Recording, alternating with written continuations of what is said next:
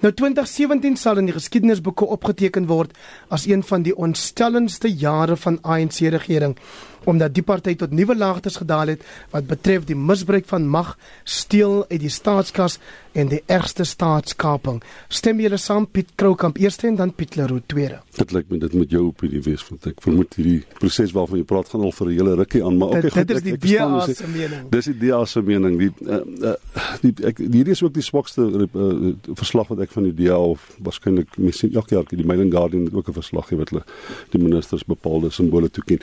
En ek moet sê hierdie is een van die swakker is, maar daar's da Waarom sê jy so? Dat, ek gaan nou vir jou sê daar's redes hoekom dit swakker is en dit is baie van die ministers het baie onlangs in hulle poste gekom en hulle word dikwels geëvalueer in terme van dit wat hulle sê maar in 2 maande moes kon vermag het wat haas onmoontlik was.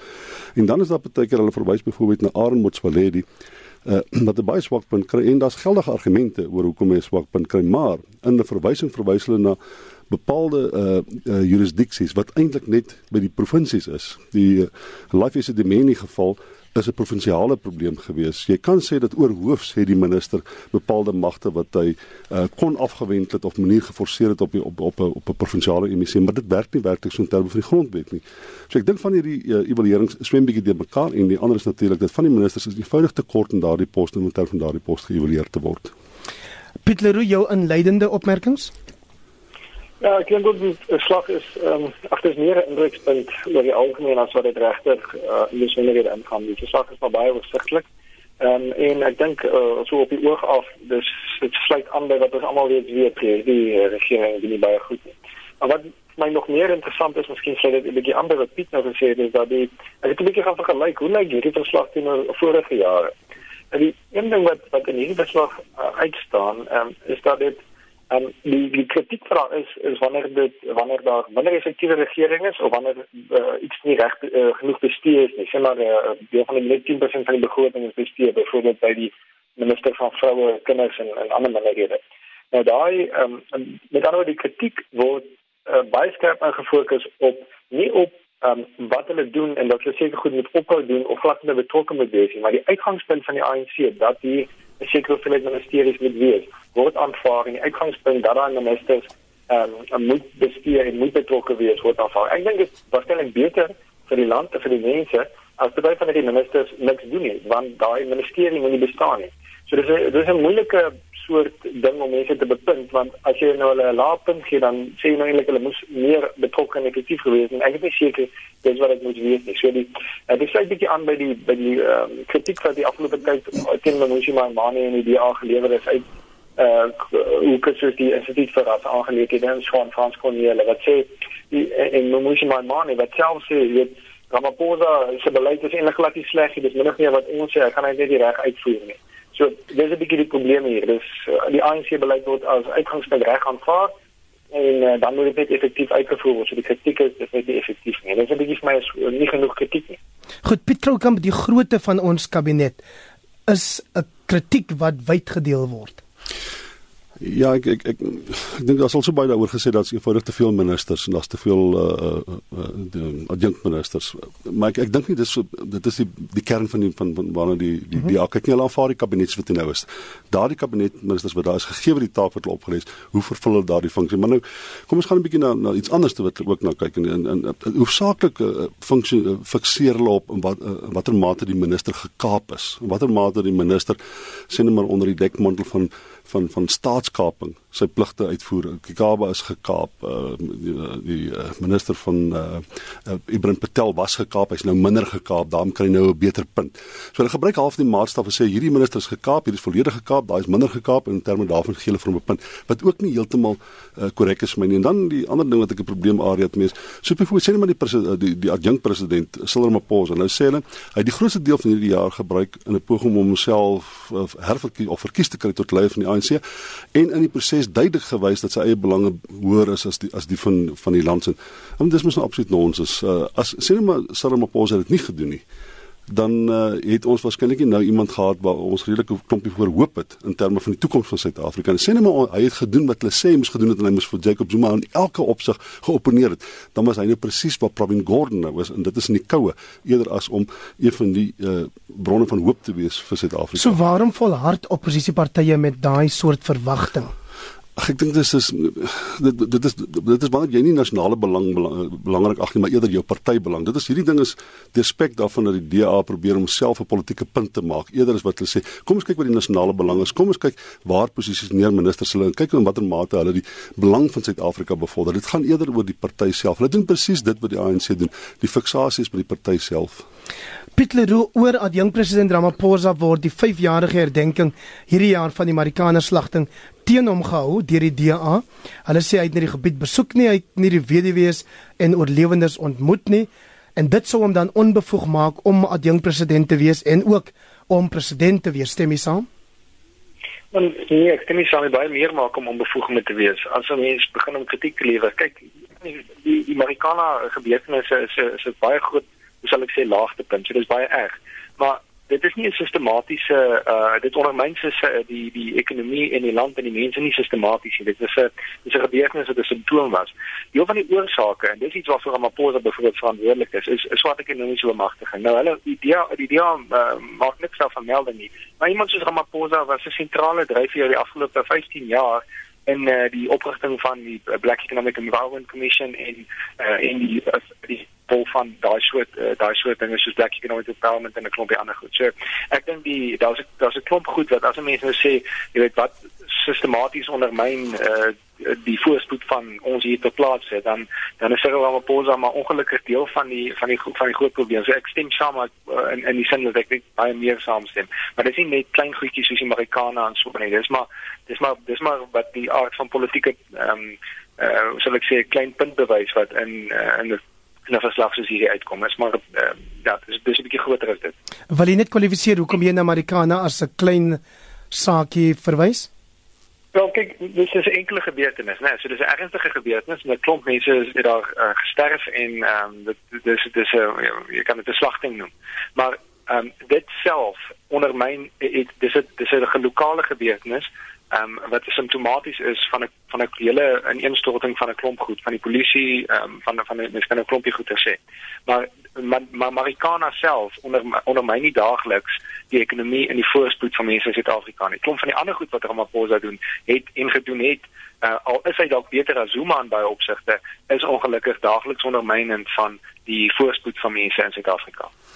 Ja, ek ek, ek, verslag met ek net van Piet verskil. Die feit bestaan is uh Marikana was 'n geweldige is 'n uh, uh, noem dit maar 'n uh brandpunt in Suid-Afrikaanse verlede. Dit gaan van baie baie jare met ons met ons blyk. Dink nie Ramaphosa se aandeel dan is wat wat die media en selfs oppositiepartye en veral die DA dit nou maak nie. Maar die feit bestaan is dit was een van die meer, mees tragiese gebeure van die laaste 24 jaar van demokrasie. En die ander probleem dink ek wat Piet nou maak en dit is smart ekonomiese bemagtiging. Daar's absoluut niks fout daarmee nie. Ek my waarheid te sê, as dit nie vir dit was nie, was die legitimiteit van die huidige politieke stelsel onder soveel druk dat ons waarskynlik nie die demokrasie in stand sou kon hou het nie.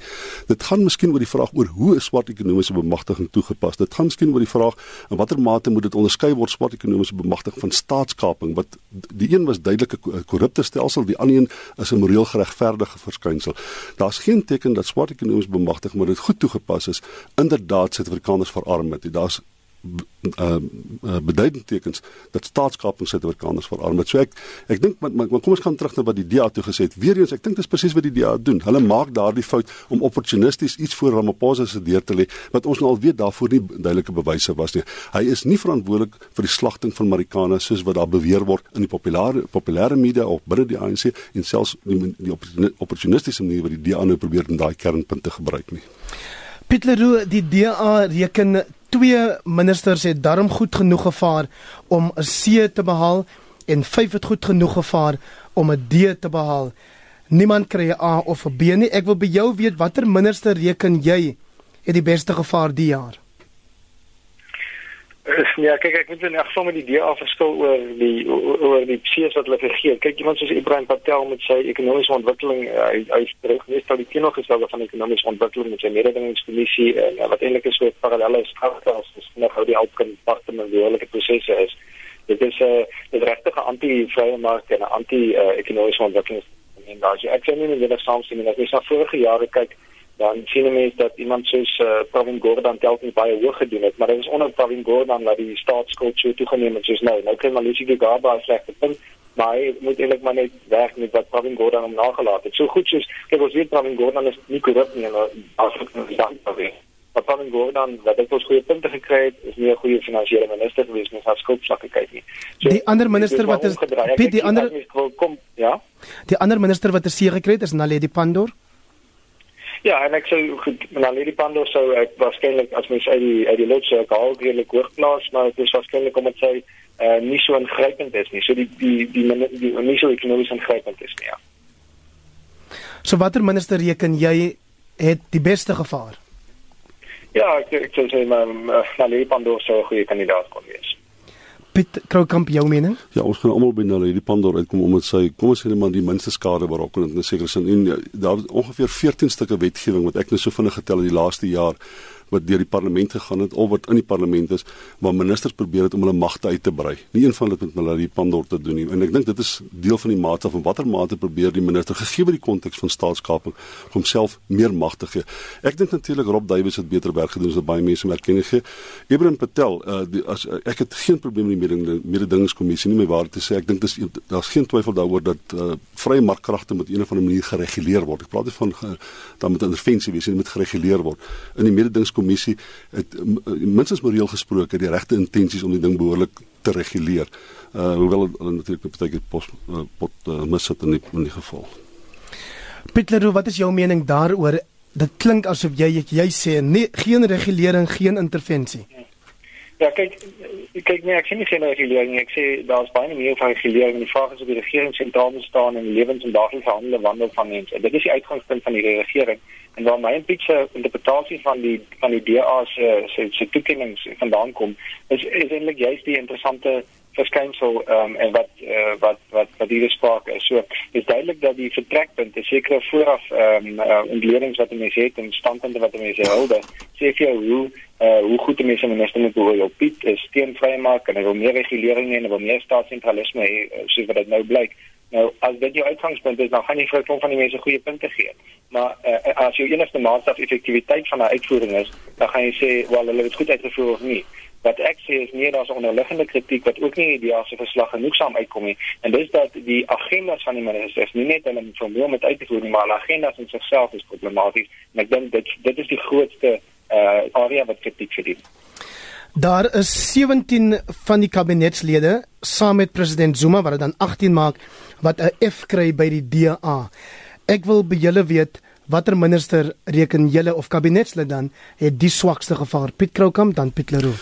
Ja, ek ek dink nie ek daar enige twyfel is Batubile Dlamini was was waarskynlik die swakste minister gewees. Sy uh, kon geen sin maak uit uh, dit met die uh, die grondwet of van haar voorgeskryf het hoe die uitbetalings van van van uh, toelaas moet hanteer word nie. Sy het doelbewus teen die grein van die grondwet of gegaan. Sy het ek dink teen die grein van self die ANC gegaan en uh die feit dat sy baie naby aan die president was was soos 'n bloudruk geskryf oor al haar gedrag en ek dink selfs toe uiteindelik toe daar pogings was om sê nou maar die die die poskantoor en haar ministerie bymekaar te kry selfs toe was sy weerstandig geweest en dit gelyk asof sy bepaalde belange bevorder eerder as om haar taak behoorlik te vervul. Pieter wat sê jou rapport? Wie was die swakste? Ag, dit is moeilik om te kies, maar kom ons gaan sommer omdat Piet sy naam al genoem het. Uh, ek sal sê Rob Davies was een van die swakstes geweest. Rob Davies is so effektief met sulke swak beleid dat hy net skade aanrig omtrent waar hy gaan. Ehm um, en Wat is uh, die skade? Wat ek nou so Martin gedoen. Skiet tog? Want net my antwoord nou reeds ja. Wat is die skade? Ja. Nee, die skade, so ek dink die skade is Uh, kom ons vat uh, swart ekonomiese magtiging. Uh, Rob Davies is die minister verantwoordelik vir dit nie uitrol van daai kodes. En da, as daar nou een ding is wat die, die land aan die gang moet hou en van die swak besteding en swak besluite en swak regering aan die gang moet hou, dan is dit op die ou en maar uh, die ekonomiese engine wat die hulpbronne moet lewer waarmee hierdie ehm um, waarmee baie van die sirkus uh, uh, weet baie van wat gedoen word aangehou word. So een van die groot sondermyners daarvan is iemand soos Rob Davies van wie se uitgangspunte dat die saad eintlik sentraal moet staan in die ekonomie en dat hy eintlik moet bepaal wie uh, hoe kapitaal toegedeel word en so aan. So daai uitgangspunte alles is effektief, ongelukkig is hy effektief en dit maak hom een van die skadelikste ministers. Net kortliks hoe reken Afrisaake kan ons gelykberegting of gelyke indiensneming en 'n meer eweredige eienaarskap in die ekonomie be bewerkstellig? Uh kyk, ek dink die die vraag is op die ehm um, hoe kan mens algemene voorspoed bewerkstellig? So as jou uitgangspunt is wie uh of daar gelyke besit is, dis nie noodwendig dieselfde as ehm um, uh gemeente voorspoed en mees geëweredige verdeling van voorspoed nie. Ehm um, en daarvoor moet mens kyk, uh daar's daar's klomp goed onder andere ons weet wat die skoolstelsel is, ons weet wat die verdeling van vaardighede in die land is, sodat help nie mense wel aan die insetkant gelykheid ehm um, behaal nie en, en dan uh geen om wat aan die uitsetkant gebeur. So af die saak is 'n fokus is hoe kan ons die meeste voorspoed vir mense bewerkstellig? En dit is op die einde verbruiker die man op straat wat elke dag uh, met werk toe gaan en iets moet kry uh, uit die winkel en dis meer. En daarom moet mense sê uh, hoe kan kapitaal die beste aangewend word? Hoe kan ons die beste persone vir die werk aanstel? Uh, en um, en ondernemings is nie dom nie en hulle besef daar's on, on, onbenutte talent en ons sal ons lede aanmoedig om onbenutte talent uit uh, alle bevolkingsgroepe te benut en te ontwikkel en uh, dit is eerder die uh, die hoek uh, nie sentrale staatsbeheer oor wie moet wat besit en wie moet waar aangestel word nie. Ja, ek het nou nog 'n vergunning van 2 minute by my redakteur gekry, so kom ons benut dit. Piet Kroukamp, ek vra jou eers tot hoe mate is media dekking of sigbaarheid 'n faktor in die beoordeling van of 'n minister goed of sleg vaar? Ja, ek ek ek veronderstel die DEA en, en uh, Musi Maimane uh, werk kyk net die komitees wat in die komitees gebeur en daar kyk hulle hoe effektief 'n minister hoe betrokke minister is. Maar jy is inderdaad reg, die implikasie van die vraag is uh, watter mate probeer die DA 'n openbare tipe van 'n uh, media uh, uh, uh, teater maak van die situasie sê wat is die algemene persepsie? Kom ons cash in of wat reeds die algemene persepsie van swak ministers. Ja so ek dink daai die algemene persepsie in die media speel 'n groot rol in die definiering van ministers. Pieter Roo baie kortliks ons sien iemand soos minister Fikile Mbalula as op sosiale media veral baie bedrywig maar die indruk is dat hy nie een van ons bestes is nie. Ja, daar's 'n inverse vir vir inverse verband tussen effektiwiteit op Twitter en effektiwiteit in die regte lewe. Mens moet versigtig wees op Twitter. Uh, ek sou maar net so breed weg saamstem. Kom ek vra dan vir jou Piet Krokamp dat jy die laaste woord benut deur met ons te praat oor die stand van die ANC se leierskapstryd. Dr. Nkosazana Dlamini Zuma het nog gister die KwaZulu-Natal benoeming gewen en die vorige of liewer die vorige benoeming was die van Limpopo waar adjunk president Cyril Ramaphosa gewen het. Sê vir ons vinnig wat dit beteken. Wel ek dink die duidelike ding is uh, wat spesifiek KwaZulu-Natal betref, het ons verwag dat Lamini Zuma sal dit wen, maar ons het nie gedink dat 35% van die steun noodwendig sal uh, in daai provinsie gaan na Cyril Ramaphosa toe nie. Wat wat vir ons sê is dat in die provinsies waar Lamini Zuma wen, het Ramaphosa geweldige sterk steun gehad ten spyte van die verwagtinge en andersom was dit baie keer wanneer Ramaphosa die provinsie wen, het Lamini Zuma eintlik baie swak gedoen in daai provinsies en dit is hoekom hy uh, voor as op die stadium so rondom 65% van die totale stemme